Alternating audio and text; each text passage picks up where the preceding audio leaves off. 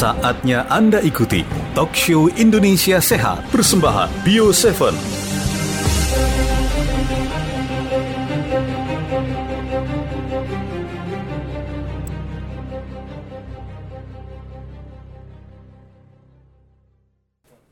Assalamualaikum warahmatullahi wabarakatuh. Selamat siang sahabat Bio7 di mana pun berada. Hari ini kita berjumpa kembali di awal bulan Juli. Oh bertepatan hari ini tanggal 1 Juli. Sudah pada gajian Bapak Ibu? Oh sudah. Tapi kurang banyak Pak. Oke gampang ya.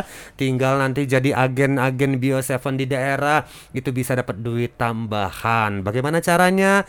Bapak Ibu silakan hubungi radio-radio yang menyiarkan siaran ini. Ah, ini bersama Bio7 hari ini Bapak Ibu, kami akan ajak Anda untuk menyimak uh, bahasan kita yaitu seputar nyirih. Nyirih bukan sekedar tradisi. Wah, ini kalau kita bicara mengenai nyiri, oh ini tentunya lekat dengan nenek kita atau orang tua orang tua kita zaman dulu. Nah, bagaimana keadaannya sekarang? Apakah masih ada? Nah, lalu bagaimana dengan pemanfaatan daun sirih untuk kesehatan?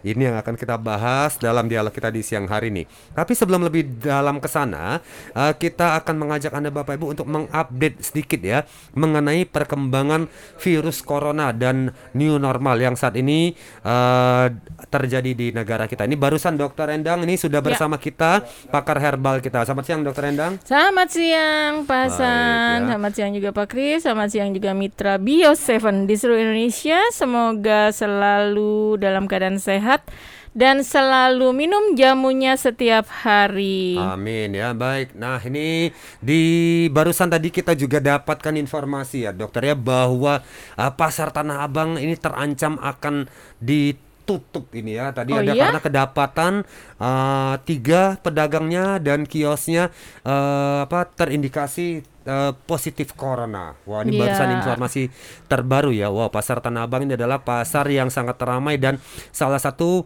uh, pusat perdagangan yang konon terbesar di ASEAN. Asia, ASEAN ya. Yeah, Wah, ASEAN. dokter yeah. Endang sering juga ya belanja uh, ya? Aku kebetulan pedagang. Jadinya okay. aku suka datang ke pasar Tanah Abang dan dulu saya pernah jadi dokter klinik pasar Tanah Abang. Jadi sangat paham banget hmm. bagaimana lingkungannya sangat padat sampai kaki limanya juga sangat padat. Dan ini luar biasa uh, kalau memang ada yang terkena ya mungkin uh, sebaiknya memang uh, ditutup dulu ya agar uh, sehat semuanya baru berdagang kembali. Tetapi uh, ini adalah keputusan daripada ya. uh, gubernur ya, ya. yang yang terbaik yang mana Baik, ini juga kita mau sapa juga ini ada mitra kita di daerah ya.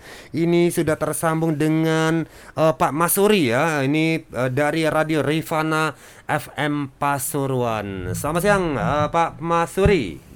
Ya, selamat siang Bapak. Iya, ini dari Radio UP Jakarta nih Pak Masuri ya. Uh, Pak Masuri, ya. ini Bapak di posisi di Pasuruan ya Pak ya? Di Pasuruan Pak, Jalan Erlangga 13 nomor 6 Kota Pasuruan. Oh, Oke, okay. Pasuruan. Uh, Pak Masuri, bagaimana Pak Masuri keadaan kondisi uh, masyarakat uh, di Pasuruan ini di uh, tengah pandemi corona seperti saat ini, Pak Masuri? Alhamdulillah kondusif. Uh, uh, sempat tempo hari itu ada lockdown mm-hmm. antara Jalan Pahlawan, Jalan Paling Mas Dirman, kemudian juga di di Gor itu rutin setiap hari Sabtu eh, mulai hari Jumat, Sabtu, Minggu. Hmm. Tiga hari, Pak. Sempat di Pasuruan di lockdown. Hmm. Tapi alhamdulillah sekarang sudah terbuka mulai bulan yang kemarin. Baik. Nah ini Pak Masur ini dengan uh, apa Bapak berarti berarti berada di daerah Jawa Timur ya ini berarti ya Pak Pak Masur ya. Jawa Timur Pak. Baik ya. ini termasuk uh, Jawa Timur ini adalah uh, daerah yang sebaran coronanya sangat tinggi nih. Ini saing-saingan dengan Jakarta ini. Uh, apa yang dilakukan oleh uh, Pak Masuri dan tim radio di sana dalam menyebarkan informasi seputar corona nih untuk uh, mendidik masyarakat agar lebih menyadari tentang bahayanya virus corona ini Pak Masuri. Uh, baik Pak, kami dari Radio Rifana, semua penyiar dari Radio Rifana uh, uh, menghimbau selalu memberikan informasi-informasi uh, kepada masyarakat baik kota maupun kabupaten Pasuruan gitu Pak. Mm-mm, ya, jadi semuanya juga eh, sering mengapa ya menyampaikan ya pesan-pesan kesehatan melalui siaran-siaran radio di sana ya Pak Masuri ya. Betul sekali, Pak. Baik ini. Oke, dan ini Pak Masuri untuk eh, di wilayah Bapak sendiri, Pak, untuk penggunaan eh, sanitizer seperti antasep dan pemakaian masker ini bagaimana menurut hasil pengamatan eh, Pak Masuri sendiri? Ya. Untuk pemakaian masker dan sanitizer untuk menjaga kebersihan eh, tangan di daerah Bapak sana menurut pantauan Bapak bagaimana, Pak? Kesadaran masyarakat, Pak Masuri?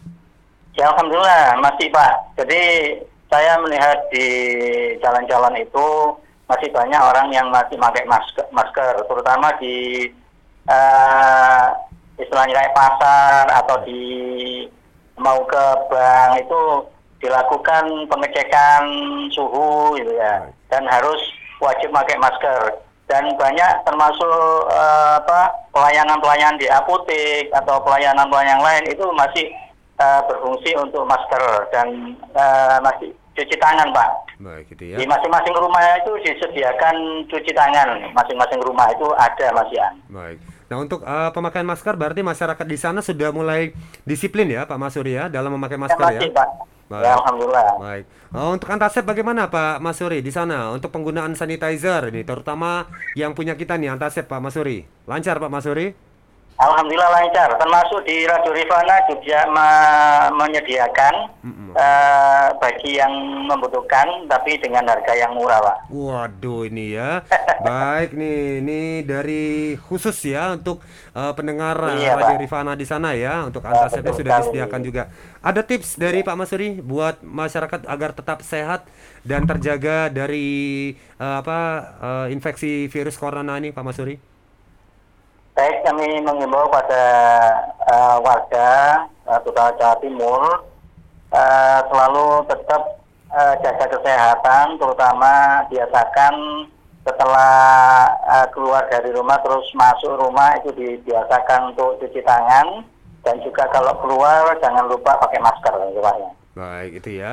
Baik, Pak Masuri, terima kasih sudah meluangkan waktu bergabung dalam siaran kita di siang hari ini bersama Ya. sahabat Indonesia Sehat lainnya. Ini salam hangat dari kami buat eh, pendengar radio Rifan FM dan juga warga Pasuruan ya.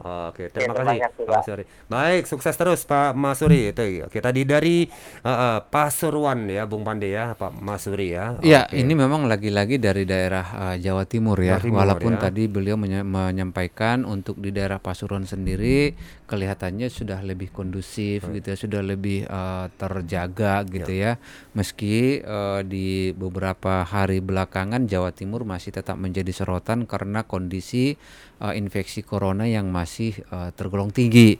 Namun tentu dengan uh, informasi ini sebenarnya membuat kita sedikit lega.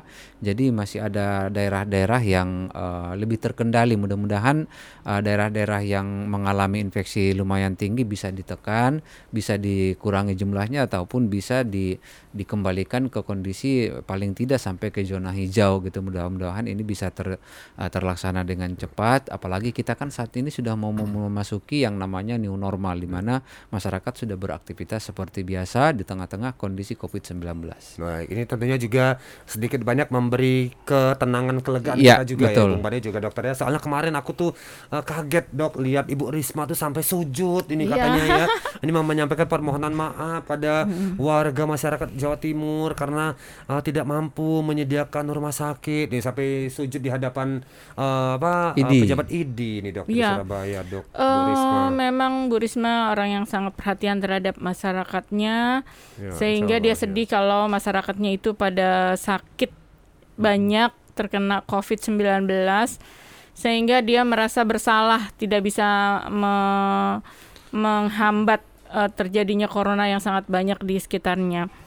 Tetapi sebetulnya cukup ketat setahu saya karena anaknya teman saya ada kuliah di sana itu sejak bulan Maret nggak bisa keluar dari area Jawa Timur sampai sekarang. Kemudian eh, ada salah satu keluarga eh, kesatuan tugas eh, nggak tahu di daerah mana ya Jawa Timur itu teman saya bilang ada dokter dua-duanya ibu suami istri masuk rumah sakit masuk ICU anaknya juga terkena. Ini sedih banget kan sampai perjuangannya seperti itu. Jadi Bu Risma ya itu sebagian kecil yang saya tahu. Apalagi Bu Risma yang sudah keliling di sekitar lokasi Jawa Timur begitu dahsyatnya, banyaknya yang terkena membuat beliau menjadi shock. Jadi itu ya. Nah, untuk tadi ya buat uh, warga Jawa Timur Bapak Ibu agar tingkatkan kehati-hatian Anda terhadap uh, virus corona ini. Tidak lupa Sulawesi juga ya, Sulawesi terutama warga Sulawesi ini hati-hati uh, sebaran virus corona tengah uh, mengarah ke daerah Anda. Kita break dulu sebentar.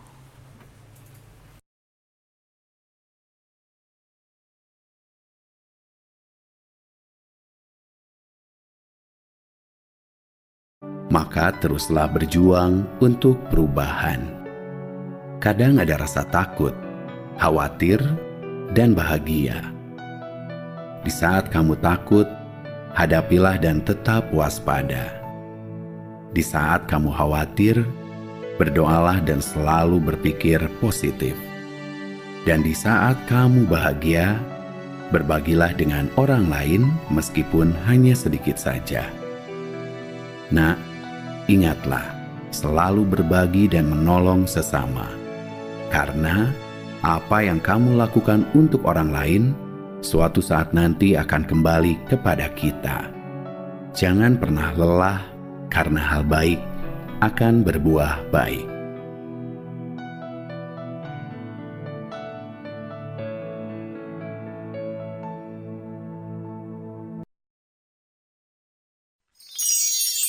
Herbal Flash.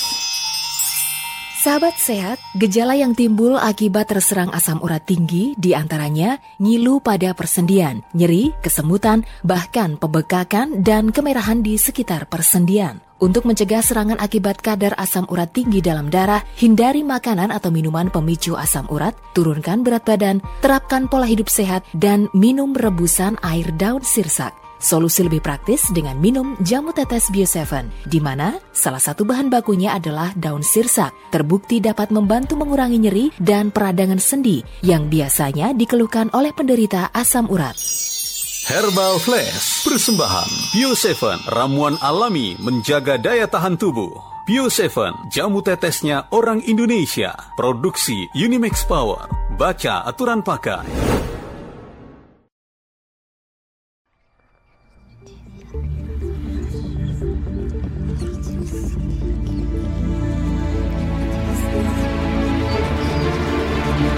Move up, move on.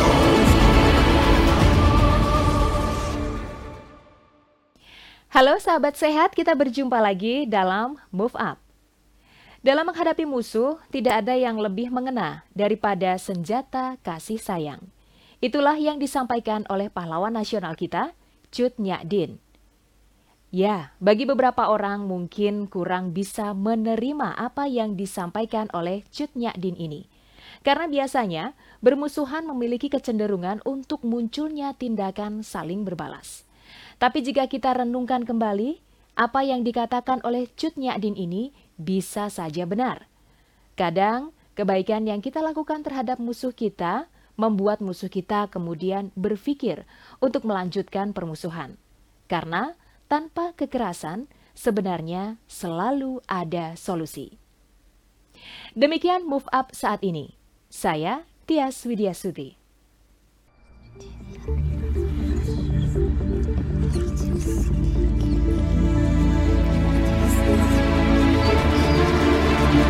Move Up, persembahan Bio7, ramuan alami menjaga daya tahan tubuh. Bio7, jamu tetesnya orang Indonesia. Produksi Unimax Power.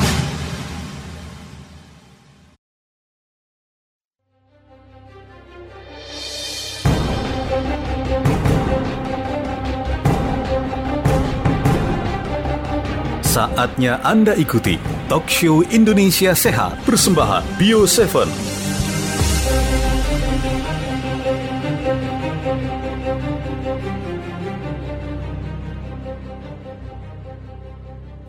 Kita lanjutkan lagi dialog kita siang hari ini persembahan dari jamu tetes Bio Seven ya. Baik Bapak Ibu, tadi kita sudah update ya uh, mengenai uh, kondisi terkini ya untuk di daerah Pasuruan tadi ya Bang Pandey ya, Ya. dengan Pak Mas Suri ya. Mas Suri. Oh, ini dia ini ada mitra kita juga yang sering menyiarkan siaran ini untuk uh, wilayah Jawa Timur. Katanya di sana alhamdulillah warga sudah mulai disiplin ya pada pakai masker, cuci tangan dengan antasep dan sebagainya sudah mulai jalan ya.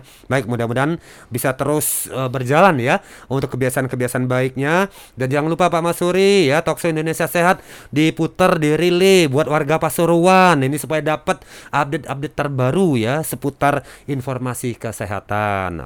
Oke, ah ini sebelum kita lanjutkan dokter eh, ke topik bahasan kita seputar Siri, aku mau sapa dulu ini teman-teman di daerah yang juga sudah melaporkan merilis siaran kita. Seperti biasa Bung Pandey, dokter Yon Group. Wah, Yon Group ya. Nomor satu. Nomor satu ini kalau ngelapor ya dari daerah Tuban dirilai lewat radio K2 FM, Radio Sri Tanjung, Radio Kejora, Radio Serasi dan Radio RBS untuk Bojonegoro.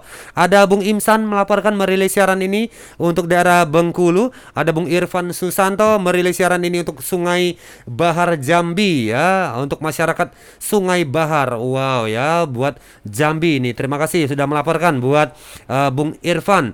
Lalu ada lagi Bung Astrul merilis siaran ini untuk daerah Bone, lalu di Sambas Kalimantan Barat sudah merapat, lalu ada dari Bengkulu, ada Bung Imsan tadi di sana, kemudian di Kuala Kapuas juga sudah bersama kita, ada Bung Guteng melaporkan merilis siaran ini untuk daerah Ketanggungan, di Lumajang juga sudah merapat, Bung Uya Agus merilis siaran ini untuk daerah Kendari, ada lagi Bung Arman Gautama merilis siaran ini untuk daerah Ngabang Kalimantan Barat. Masih ada lagi yang lain, kami akan sapa satu demi satu nanti ya. Baik, ini hari ini kita ngomongin tentang nyirih ya.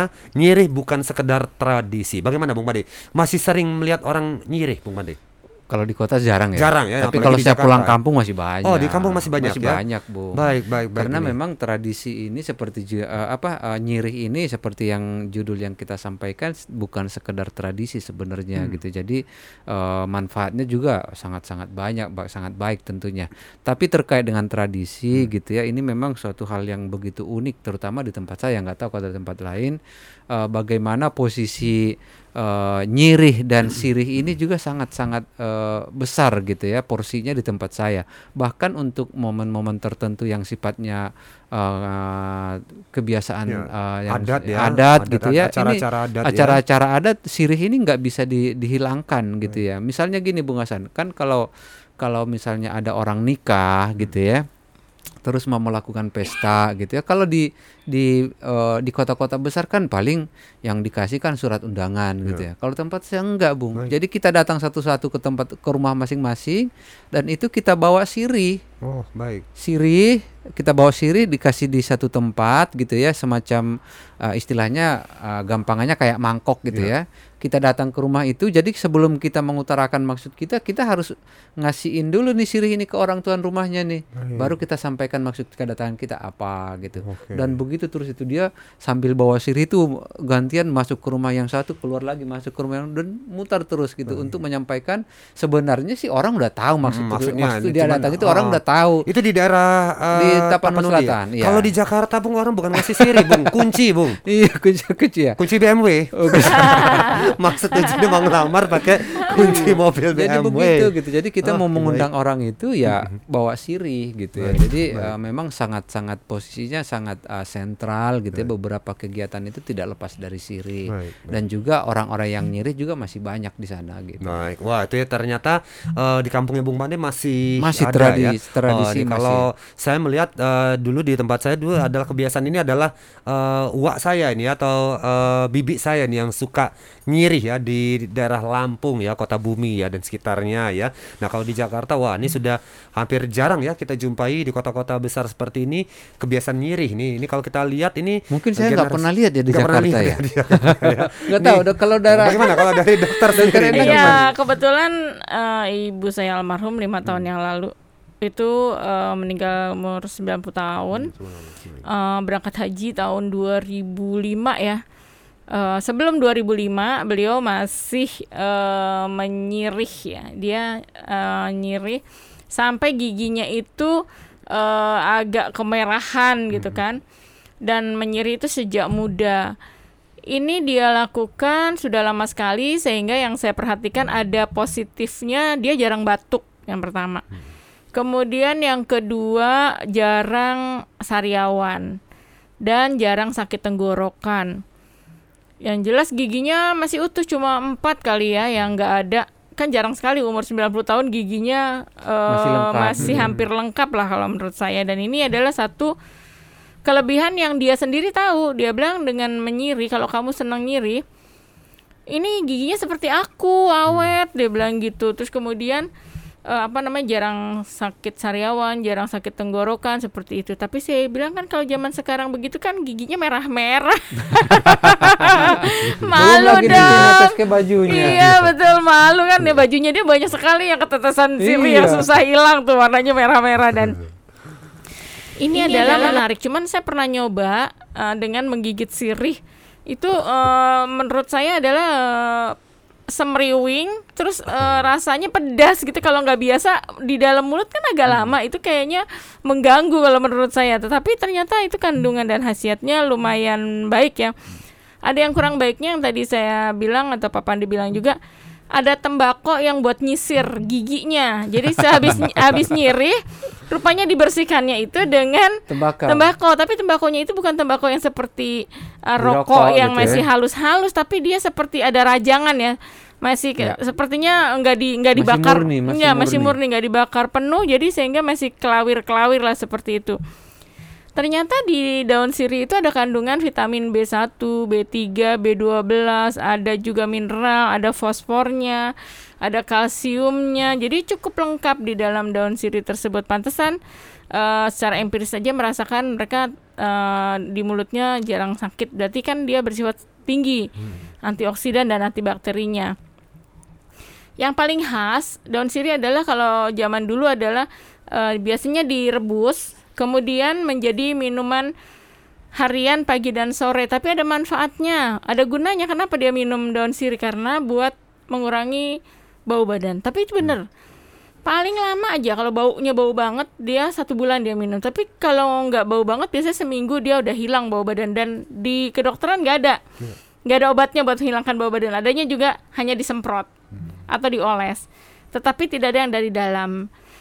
Kemudian yang kedua adalah sangat terkenal dari zaman dulu. Kalau misalnya mau jadi pengantin, cuci eh, daerah eh, alat vitalnya dengan eh, rebusan juga sirih. Misalnya 10 daun sirih direbus dengan satu gayung air. Kemudian hangat-hangat buat cuci daerah sekitarnya agar bersih agar wangi eh, dan kemudian agar tidak ada gatal-gatal. Dan itu memang dilakukan sejak zaman dulu dan memang manfaat. Kalau itu saya suka melakukan karena saya pikir saya punya pohon sirih di rumah sehingga eh, banyak daun sirihnya bisa dipakai gitu loh bisa ma- dimanfaatin. Kan kalau makin dipetik eh, makin Subur ya. bagus ya. makin subur Besok Kemudian- dok titip daun sirih dok. Ini untuk 30 lembar buat saya Pak Idris.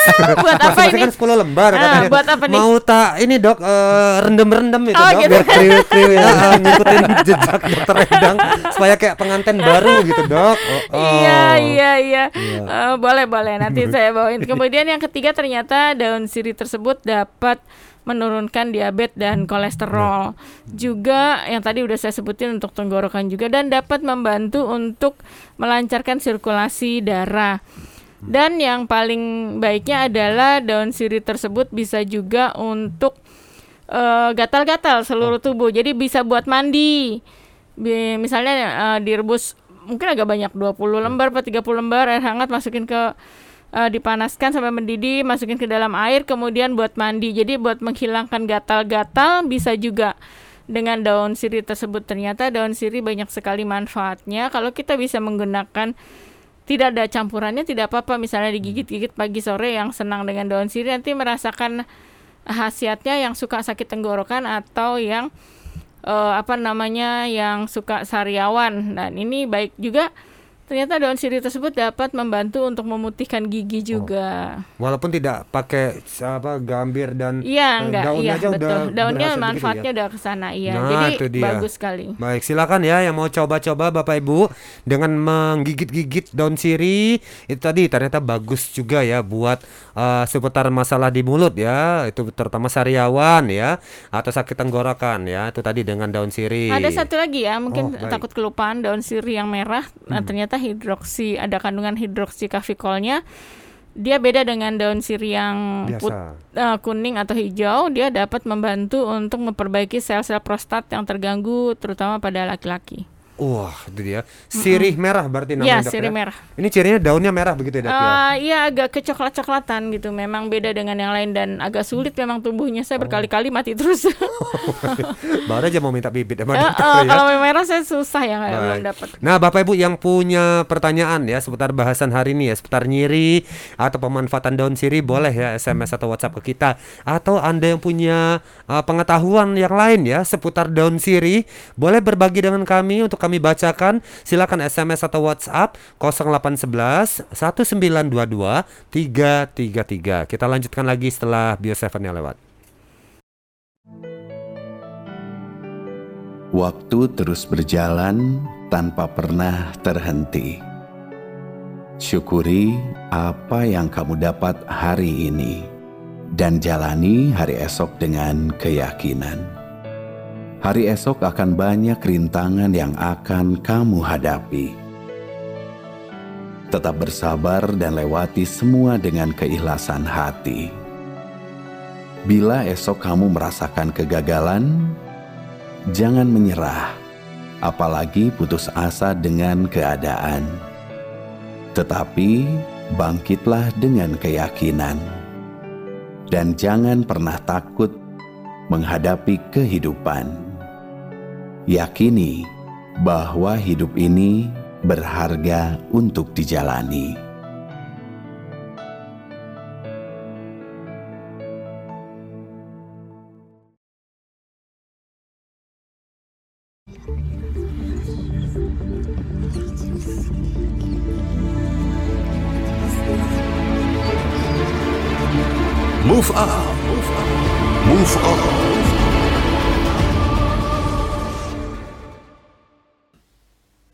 Halo sahabat sehat, kita berjumpa lagi dalam Move Up. Kurang cerdas dapat diperbaiki dengan belajar. Kurang cakap dapat dihilangkan dengan pengalaman. Namun, tidak jujur itu sulit diperbaiki. Itulah yang dikatakan oleh pahlawan nasional kita, Bung Hatta. Wah, mengena sekali bukan apa yang dikatakan Bung Hatta ini? Dalam semua lini kehidupan, kejujuran selalu menjadi elemen penting. Memang tidak semua orang bisa berlaku jujur, karena godaannya juga banyak. Akan tetapi, jika kita ingin disebut seseorang yang profesional, hanya jika kita memiliki dua faktor, yaitu integritas dan kejujuran. Demikian move up saat ini. Saya Tias Widiasuti.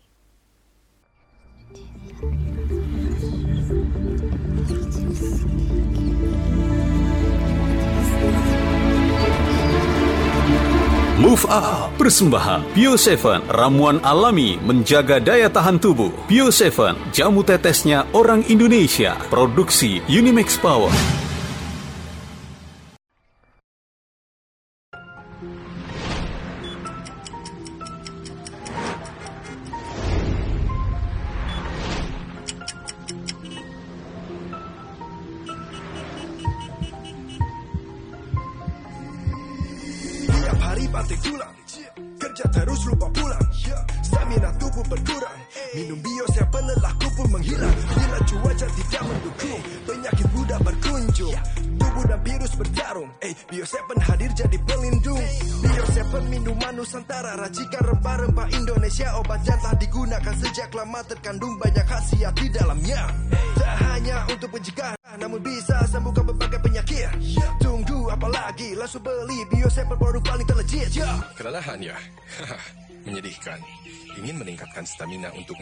tubuh?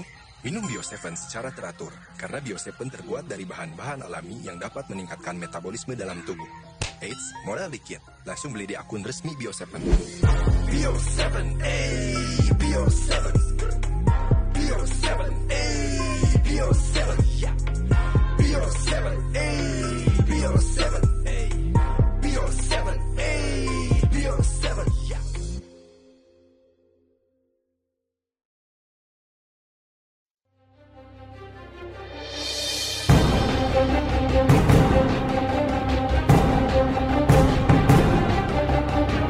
Saatnya Anda ikuti Talk Show Indonesia Sehat persembahan Bio 7.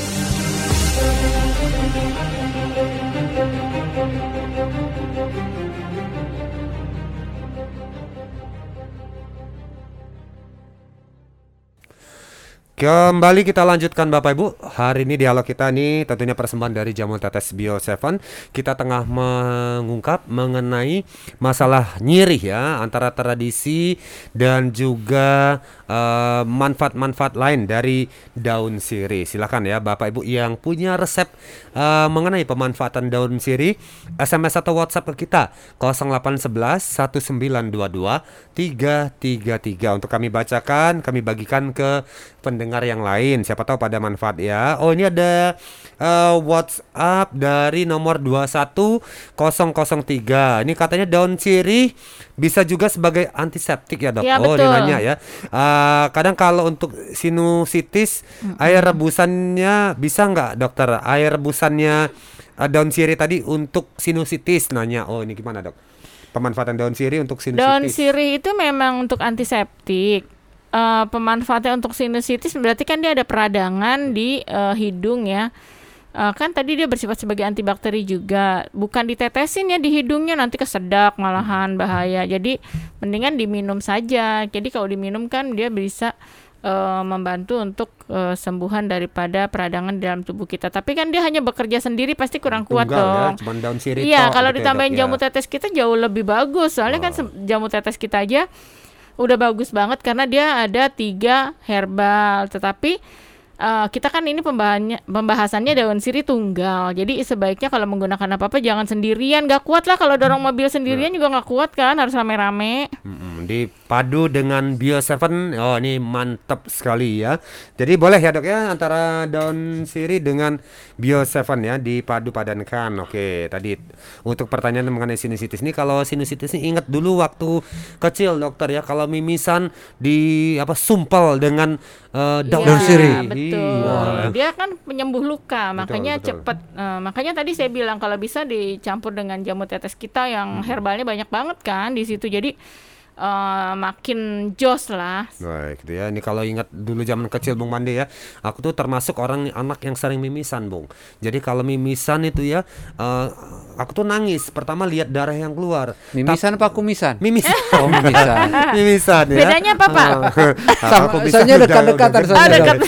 Nah, jadi kalau udah mimisan itu ya, lihat darah yang ngucur ya, Iya. yang lebih menakutkan sebenarnya bukannya darahnya, tapi ketika Sumpulnya. orang tua kita bawa gulungan daun sirih yang udah besar sebesar jari jempol itu ya, masuk ke hidung kita itu tambah nangis Soalnya lagi ya. itu kalau zaman dulu tuh kan orang tua nggak kira-kira antara Betul, hidungnya anak kecil Betul, sebesar apa tuh daun sirihnya lebar gitu jadi gulung gitu. Terus dia udah nenteng-nenteng dalam bentuk gulungan. ya jadi kita takut sendiri malah lihat gulungan daun sirihnya Iya. ya bukan lagi mimisannya ya ya mungkin karena kecemasan orang tua kita Ya, gitu, Dok, ya betul. melihat darah yang ngocor deras Tapi gitu memang ya. kan secara empiris kan sudah kelihatan. Jadi Iya. kalau dipakai ternyata untuk eh, memberhentikan eh, darah ternyata memang di Medan seperti itu, di Palembang seperti itu, di Jawa seperti itu. Berarti kan itu sangat meluas seperti Ya, itu. betul seperti itu ya. Baik, tadi untuk menjawab mengenai sinusitis ya tadi ya. Oke, ini ada WhatsApp berikutnya dari nomor belakang 2656.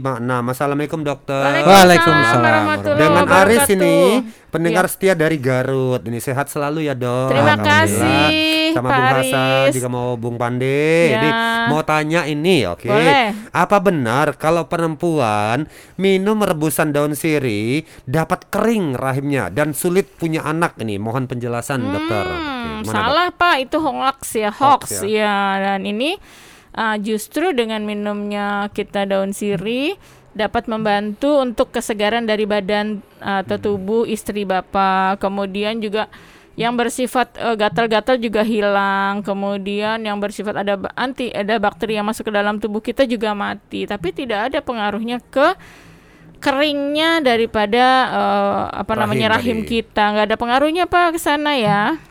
Iya lihat aja Bung Hasan, jangankan air rebusannya, Iya. sirihnya aja dimakan di daerah-daerah di kampung-kampung, anaknya banyak. Iya, sirihnya dimakan setiap hari ya, Iya, satu hari betul, aja dia betul. Bisa menyirih. lima kali Ah, iya gitu. contoh yang baik tuh Pak Betul, Pandai. betul, Jadi dia betul. menyirih sampai lima kali sampai enam kali ganti aja, anaknya malah banyak. Oke, jadi itu ya. Jangankan air rebusannya. Tergantung bagaimana Iya. suami istri. Nah, Baik itu tadi untuk eh, Bung Aris ya di Garut ya. Mudah-mudahan menjawab ya tadi ya. Jadi tidak betul kalau sirih membuat Iya, rahim jadi kering ya. Malah tambah banyak amat Iya. Ntar kalau kering lecet dong ya. Oke baik yang punya pertanyaan yang lain atau berbagi pengalaman seputar daun sirih ya silakan ya Bapak Ibu SMS atau WhatsApp 0811 1922 333. Ini ada SMS juga ini dari nomor belakang 2159. Assalamualaikum Bu Dokter. Waalaikumsalam warahmatullahi Ah, wabarakatuh. ini lah da- dari Bang Kumis ya, si hidung mancung, si kumis tebal. Oh, Oke. oke. Ini saya suka godok eh, daun sirsak. Oh, ini malah daun sirsak nih. Sama kulit manggis. Terus saya eh, sering minum godokannya itu bagaimana? Ini dari eh, daerah Cilamaya nih. Oke, Bol- godokan daun eh, sirsak. ya. Godokan daun sirsak sama daun Kulit Sama manggis. kulit sama manggis kulit dong, ya. manggis. Boleh saja, tetapi bukan sedikit ya, karena ada di salah satu video contohnya eh, kulit manggisnya cuman sepotong, separoh gitu, bukan satu, separoh. Kemudian eh, daun sirsaknya cuma tiga dengan promosi dapat menyembuhkan segala macam, nggak ada gunanya. Kalau khasiatnya memang bagus, tetapi kalau jumlahnya nggak sesuai ya tidak menghasilkan terapi, tidak menghasilkan hasil yang menyehatkan. Jadi kalau mau daun sirsak rebusannya bisa 10 Kemudian kulit manggisnya misalnya ada tiga atau empat kulit manggis sehingga bisa enam potong ya. Direbus bareng, kemudian dijadiin dua gelas dari dua gelas juga ya, dua gelas lebih sedikit lah sampai mendidih.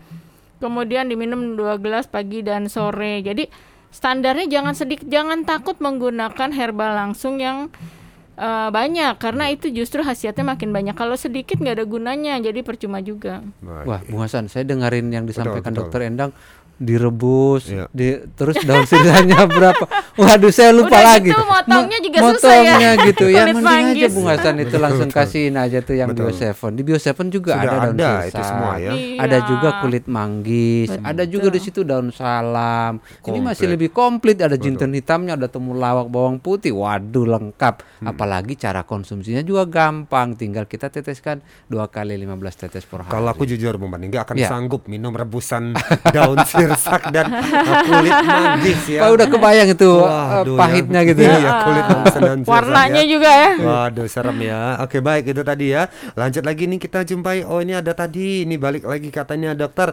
Eh, ini dok anak jamu tetes Bio Seven. Ini bisa tidak diteteskan ke hidung karena sinus anak saya sudah parah sinusnya.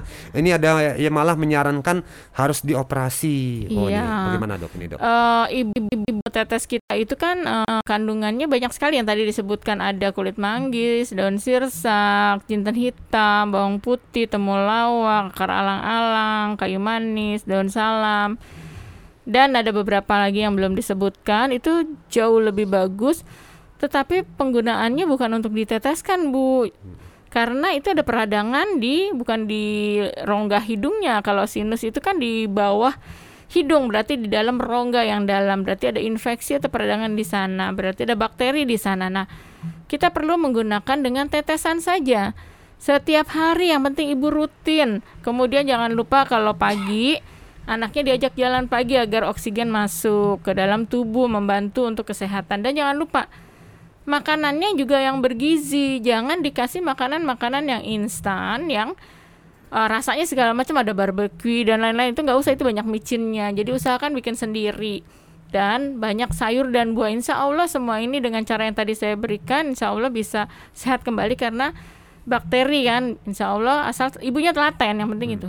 Nah, ini jadi tidak harus ada operasi ya dok ya untuk masalah sinus ini tadi dok ya? Ya kalau saya percaya nggak usah operasi ya, Baik. karena ada beberapa pasien saya yang saya kasih herbal dengan akupunktur kalau saya Baik. waktu itu itu uh, sembuh nggak jadi operasi. operasi iya. Baik, itu tadi ya buat Bapak Ibu di nomor 103 eh, 1003 ya. Mudah-mudahan bisa menjawab. Kita akan break dulu sebentar. Ini ya karena ada Bio 7 mau lewat dulu. Hari ini kamu melakukan apa yang tidak dilakukan orang lain, maka besok kamu dapat melakukan hal yang tidak dapat dilakukan orang lain. Terus semangat, gapai segala asa untuk masa depan, karena setiap orang memiliki cara sendiri untuk menggapai setiap impian. Tetap optimis dan terus berusaha untuk menjadi yang terbaik. Setiap orang pasti pernah merasakan kegagalan dan kesalahan. Jangan berkecil hati di saat kamu gagal, dan jangan bersedih di saat kamu melakukan kesalahan. Tapi belajarlah pada kesalahan dan berusaha untuk tidak mengulanginya lagi.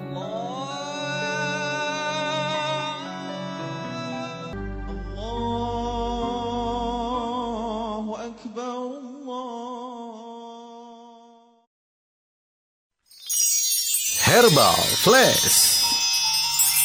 Sahabat sehat, gejala yang timbul akibat terserang asam urat tinggi di antaranya ngilu pada persendian, nyeri, kesemutan, bahkan pembekakan dan kemerahan di sekitar persendian. Untuk mencegah serangan akibat kadar asam urat tinggi dalam darah, hindari makanan atau minuman pemicu asam urat, turunkan berat badan, terapkan pola hidup sehat, dan minum rebusan air daun sirsak. Solusi lebih praktis dengan minum jamu tetes Bio 7, di mana salah satu bahan bakunya adalah daun sirsak, terbukti dapat membantu mengurangi nyeri dan peradangan sendi yang biasanya dikeluhkan oleh penderita asam urat.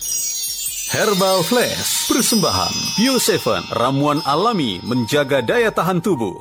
Bio 7, jamu tetesnya orang Indonesia. Produksi Unimax Power. Baca aturan pakai.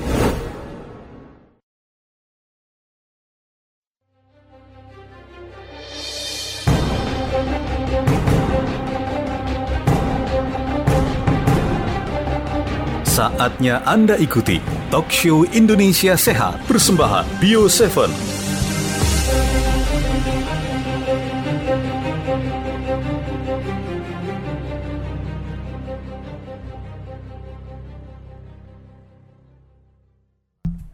Kita lanjutkan lagi dialog kita hari ini yang dipersembahkan oleh Jamu Tetes Biasa Baik Bapak Ibu, hari ini kita tengah membahas mengenai uh, tradisi nyirih ya dan juga mengenai daun sirih ya karena ini uh, berkaitan dengan uh, hari ini adalah segmennya UP Herbal Talk. Jadi kita ngomongin tentang herbal-herbal Nusantara.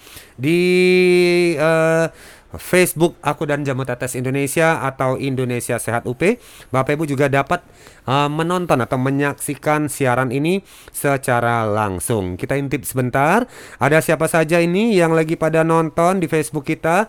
Oke, ini ada akun Tommy Kurniansah ya Tommy Kurniansah dan juga uh, Gerai Lunggi di Sambas juga akun Pesona Play Hari sudah mampir ke Facebook kita meninggalkan likes-nya terima kasih buat Bapak Ibu rekan-rekan yang sudah singgah di Facebook kita dan juga ikut menyiarkan siaran ini. Uh, pertanyaan ini terus mengalir. Kita jumpai kali ini pertanyaannya dari mana nih ya? WhatsApp tadi ya. Oh, dari nomor belakangnya uh, 4 4592. Oke, selamat siang Bu Dokter Endang. Selamat siang. siang. Eh, Bung Pande, Bung Hasan, mau tanya ini tentang daun sirih. Oh ya, daun sirih yang mana dok? Yang bagus untuk dikonsumsi atau diminum? Apakah daun sirih merah atau daun sirih hijau yang untuk direbus? Mohon penjelasannya dari Ibu Dokter. Eh, kandungan daun sirih yang hijau, yang kuning atau yang merah itu sama. Hanya satu kelebihan yang di sirih merah adalah ada hidroksikafikol. Dia gunanya untuk memperbaiki sel-sel prostat pada laki-laki. Kalau yang lainnya sama, kita boleh juga sih minum eh, daun sirihnya boleh juga, yang merah juga boleh. Tetapi maksudnya pada intinya adalah kandungannya sama yang tadi saya bilang ada kandungannya vitamin eh, B1, B3, kemudian B12. Jadi buat ngurangi rasa pegal-pegal juga bisa kemudian ada potasium, ada mineral juga di situ. Sehingga baiklah untuk kesehatan kita. Jadi Antioksidannya aja ya? juga cukup tinggi. Baik, cuman bedanya kalau yang daun sirih merah tadi dokter uh, bilang punya kandungan apa tadi? Hid- Hidroksikafikol. nah, itu tadi ya hidroksi Kafikol. Kafikol. Nah, kafikol ya itu tadi ya agak susah ngomongnya ya. itu punya uh, lebih bagus untuk masalah prostat ya dokter Iya, ya. betul. Oke, itu tadi ya Pak Bu ya. Untuk daun sirih ini ada juga nih yang nanya ini Bung Pande dokter uh, daun sirih yang uh, ketemu ruas ya ini yang daunnya uh, bertemu ruas ini gimana? Bagus nggak? Nah, ini juga uh, kadang-kadang Sama. juga suka kita juga bingung dokter. Iya. Saya sendiri ya sampai sekarang Nyarinya di mana? belum pernah lihat itu ya daun Iya. sirih bertemu ruas tadi ya. Tadi Gimana? juga dia bilang ruasnya cuma tunggal Iya, ya kan tadi bilang gitu. gimana? Jadi- Sebetulnya sama aja itu kan Sama ada ya. ada sesuatu kejadian ya mungkin setiap kita melahirkan berarti kan ada anak yang hidungnya mancung, hidungnya pesek kan seperti itulah. Kalau aku taunya begitu, Pak Pande yang tahu. Nah, gimana Bung? Nih Anda yang mendalami dunia pertanian dan tanaman ini, Bung. Daun Iya. sirih bertemu ruas ini katanya. Iya, tentu ini sebenarnya eh, bukan suatu hal yang eh, eh, luar biasa gitu ya. Sebenarnya hal-hal seperti ini lumrah terjadi. Kelainan-kelainan genetik itu bisa saja terjadi gitu ya. Bagaimana misalnya eh, ada seorang anak lahir tiba-tiba rambutnya panjang, rambutnya lebat gitu. Ada juga anaknya yang lahir dari dari dari bapak yang sama, ibu yang sama, tiba-tiba rambutnya dikit Iya, gitu ya. betul. Atau yang satu oh hidungnya mancung, yang satu lagi enggak gitu. Inilah permainan ataupun masalah genetik begitu juga dengan kejadian kalau misalnya ada tanaman wah tiba-tiba seperti tadi taunya eh, eh, cuma enggak apa cuma cuma ruasnya, bertulang eh. tulangnya cuma satu gitu ya enggak enggak ada biasa kan suka ada kayak menyirih gitu ya menyirip gitu. Jadi ini sebenarnya merupakan kelainan-kelainan genetik sebenarnya. Jadi kalau kita kembali kepada kandungannya sebenarnya enggak ada masalah. Tapi terkadang memang untuk orang-orang tertentu gitu ya hal-hal seperti ini dijadikan menjadi sesuatu yang luar biasa dan dimanfaatkan untuk hal-hal tertentu yang belum tentu bisa kita pertanggungjawabkan. Oh, ini biasanya nih kalau uh, katanya kalau ini untuk uh, ritual-ritual Nah, biasanya katanya wah dia. daun sirih yang bertemu ruas katanya wah ya Jadi bisa katanya. dibayangkan Bung kapan ritualnya nyarinya aja susah. Nah, justru sebenarnya nyari daun sirih yang susah itu adalah bagian dari sama ritual. seperti ini, sama Iya. seperti ini, seperti dong. bawang putih. Bawang putih ya. Aku dulu waktu sebelum masuk herbal juga bawang putih cari bawang putih tunggal dan bawang putih yang biasa. Setelah diteliti ternyata kandungannya sama. Iya. Akhirnya saya bilang dulu kita kalau nyari kan eh, bawang putih cutting ya maksudnya karena bawang putih tunggal. Padahal harganya bisa dua kali lipat daripada bawang putih biasa. Padahal kandungannya sama, Setelah gitu. tahu kandungannya sama, saya bilang gini, oh alah gitu. Baik itu tadi ya untuk yang uh, seputar daun sirih. Oh, ini kita mau sapa dulu uh, rekan-rekan yang sudah singgah di Facebook kita, aku dan Jamu Tetes Indonesia atau Indonesia Sehat UP. Ada akun Mas Imsan, ada akun Mbah Belejak, ada akun Aliasari, akun Sri Amal, akun Juju Arinasa dan akun Aldi. Terima kasih ya buat Bapak Ibu, saudara-saudara sekalian sudah singgah di Facebook kita meninggalkan jempol atau likes-nya. Bagi Anda Bapak Ibu yang tengah mencari jamu tetes Bio 7 ini ya, kalau nggak usah repot-repot cari daun sirih yang bertemu ruas atau rebus-rebus daun sirih, silakan ya. Yang pengen sehat itu bisa dengan gampang dan mudah dan praktis dengan mengkonsumsi jamu tetes Bio 7. Ini bisa Anda jumpai Bapak Ibu di radio-radio tempat Bapak Ibu mendengarkan siaran ini. Ini kami bacakan daerah-daerahnya yang juga menyediakan jamu tetes Bio 7 sekalian. Kalau mampir Anda bisa dapatkan juga sanitizer yang bagus dan tidak mengandung alkohol di sana. Namanya Antasep Bapak Ibu. Ini adalah sanitizer sanitizer yang mampu membunuh bakteri, virus dan kuman hingga 99,9% tanpa alkohol dan juga dilengkapi dengan kapsul Herbal King ya. Ini juga berisi herbal-herbal Nusantara yang Anda juga bisa dapatkan di radio-radio yang menyiarkan siaran ini. Untuk Anda yang berada di daerah Tuban bisa didapatkan di Radio K2 FM, Radio Seri Tanjung, Radio Kejora, Radio Serasi dan Radio RBS FM. Lalu di daerah Bengkulu ada Flamboyan FM di sana, kemudian ada Radio Revina FM di Sungai Bahar Jambi ya merilis siaran ini untuk warga Sungai Bahar. Terima kasih buat Revina FM Jambi. Di daerah Bone ada Radio El Jaya dan ada Radio Lunggi di Sambas Kalimantan Barat. Ada di mana lagi nih Bung Pande? Ya, untuk daerah Pontianak silakan hubungi di Fasi FM. Untuk daerah Bengkulu ada Flamboyan FM dan untuk di daerah Kuala Kapuas silakan dengan Base FM. Untuk di daerah Ketanggungan ada Rama FM. Untuk di Lumajang silakan hubungi Bintang FM dan untuk Kendari di sana ada Youngster. Di daerah Kalimantan Barat silakan menghubungi Radio Kota Intan dan untuk di daerah uh, Kalbar di sana juga uh, ada Matan Matan FM. Untuk di daerah Bengkulu ada Bio FM 99,8 FM. Untuk di daerah uh, Pangkalan Bun ada Radio Jreng dan untuk di daerah uh, Lampung ada Mandala FM, Angkasa Biru, Etawa FM, Idola FM, Maskara FM dan juga SGP FM. Di mana lagi Bung Hasan? Oh, untuk daerah Plehari, Bapak Ibu bisa jumpai di Radio Pasona FM dan juga Kintab Sati Tanah Laut untuk warga Kalimantan Selatan. Kemudian di daerah Cikijing, Anda bisa jumpai di Magic FM. Itu tadi radio-radio yang merilis siaran ini sekaligus juga menyediakan jamu tetes Bio 7 untuk Anda semuanya. Nah, eh, Bapak Ibu Ibu sekalian, uh, melalui siaran ini kami tidak henti-hentinya terus menyampaikan agar selalu menjaga kesehatan dengan menggunakan masker kalau keluar rumah. Dari dalam Anda jaga kesehatannya dengan minum jamu-jamu ya, uh, herbal-herbal yang bermanfaat untuk meningkatkan daya tahan tubuh. Contohnya seperti Bio 7 ini. Kemudian yang dari luar ya, sempurnakan ikhtiar kita dengan menggunakan antasep sanitizer untuk membersihkan tangan dan barang-barang bawaan kita kalau habis dari keluar rumah ya supaya apa? Supaya tidak uh, terbawa masuk ke dalam ya untuk jangan-jangan takutnya ada virus corona lagi nempel di sana. Besok ngomong-ngomong hari Kamis. Nah, ini hari Kamis adalah harinya buat curhat. Bagi Bapak Ibu yang punya keluhan penyakit keluhan kesehatan, nggak enak badan. Besok hari Kamis siapkan teleponnya.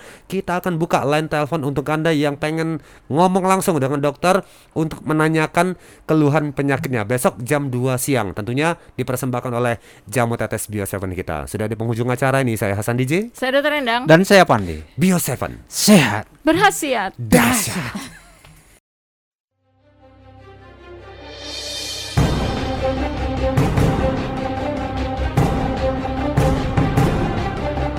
Baru saja Anda ikuti Talk Show Indonesia Sehat persembahan Bio 7. Sampai jumpa di Talk Show Indonesia Sehat berikutnya di radio kesayangan Anda ini.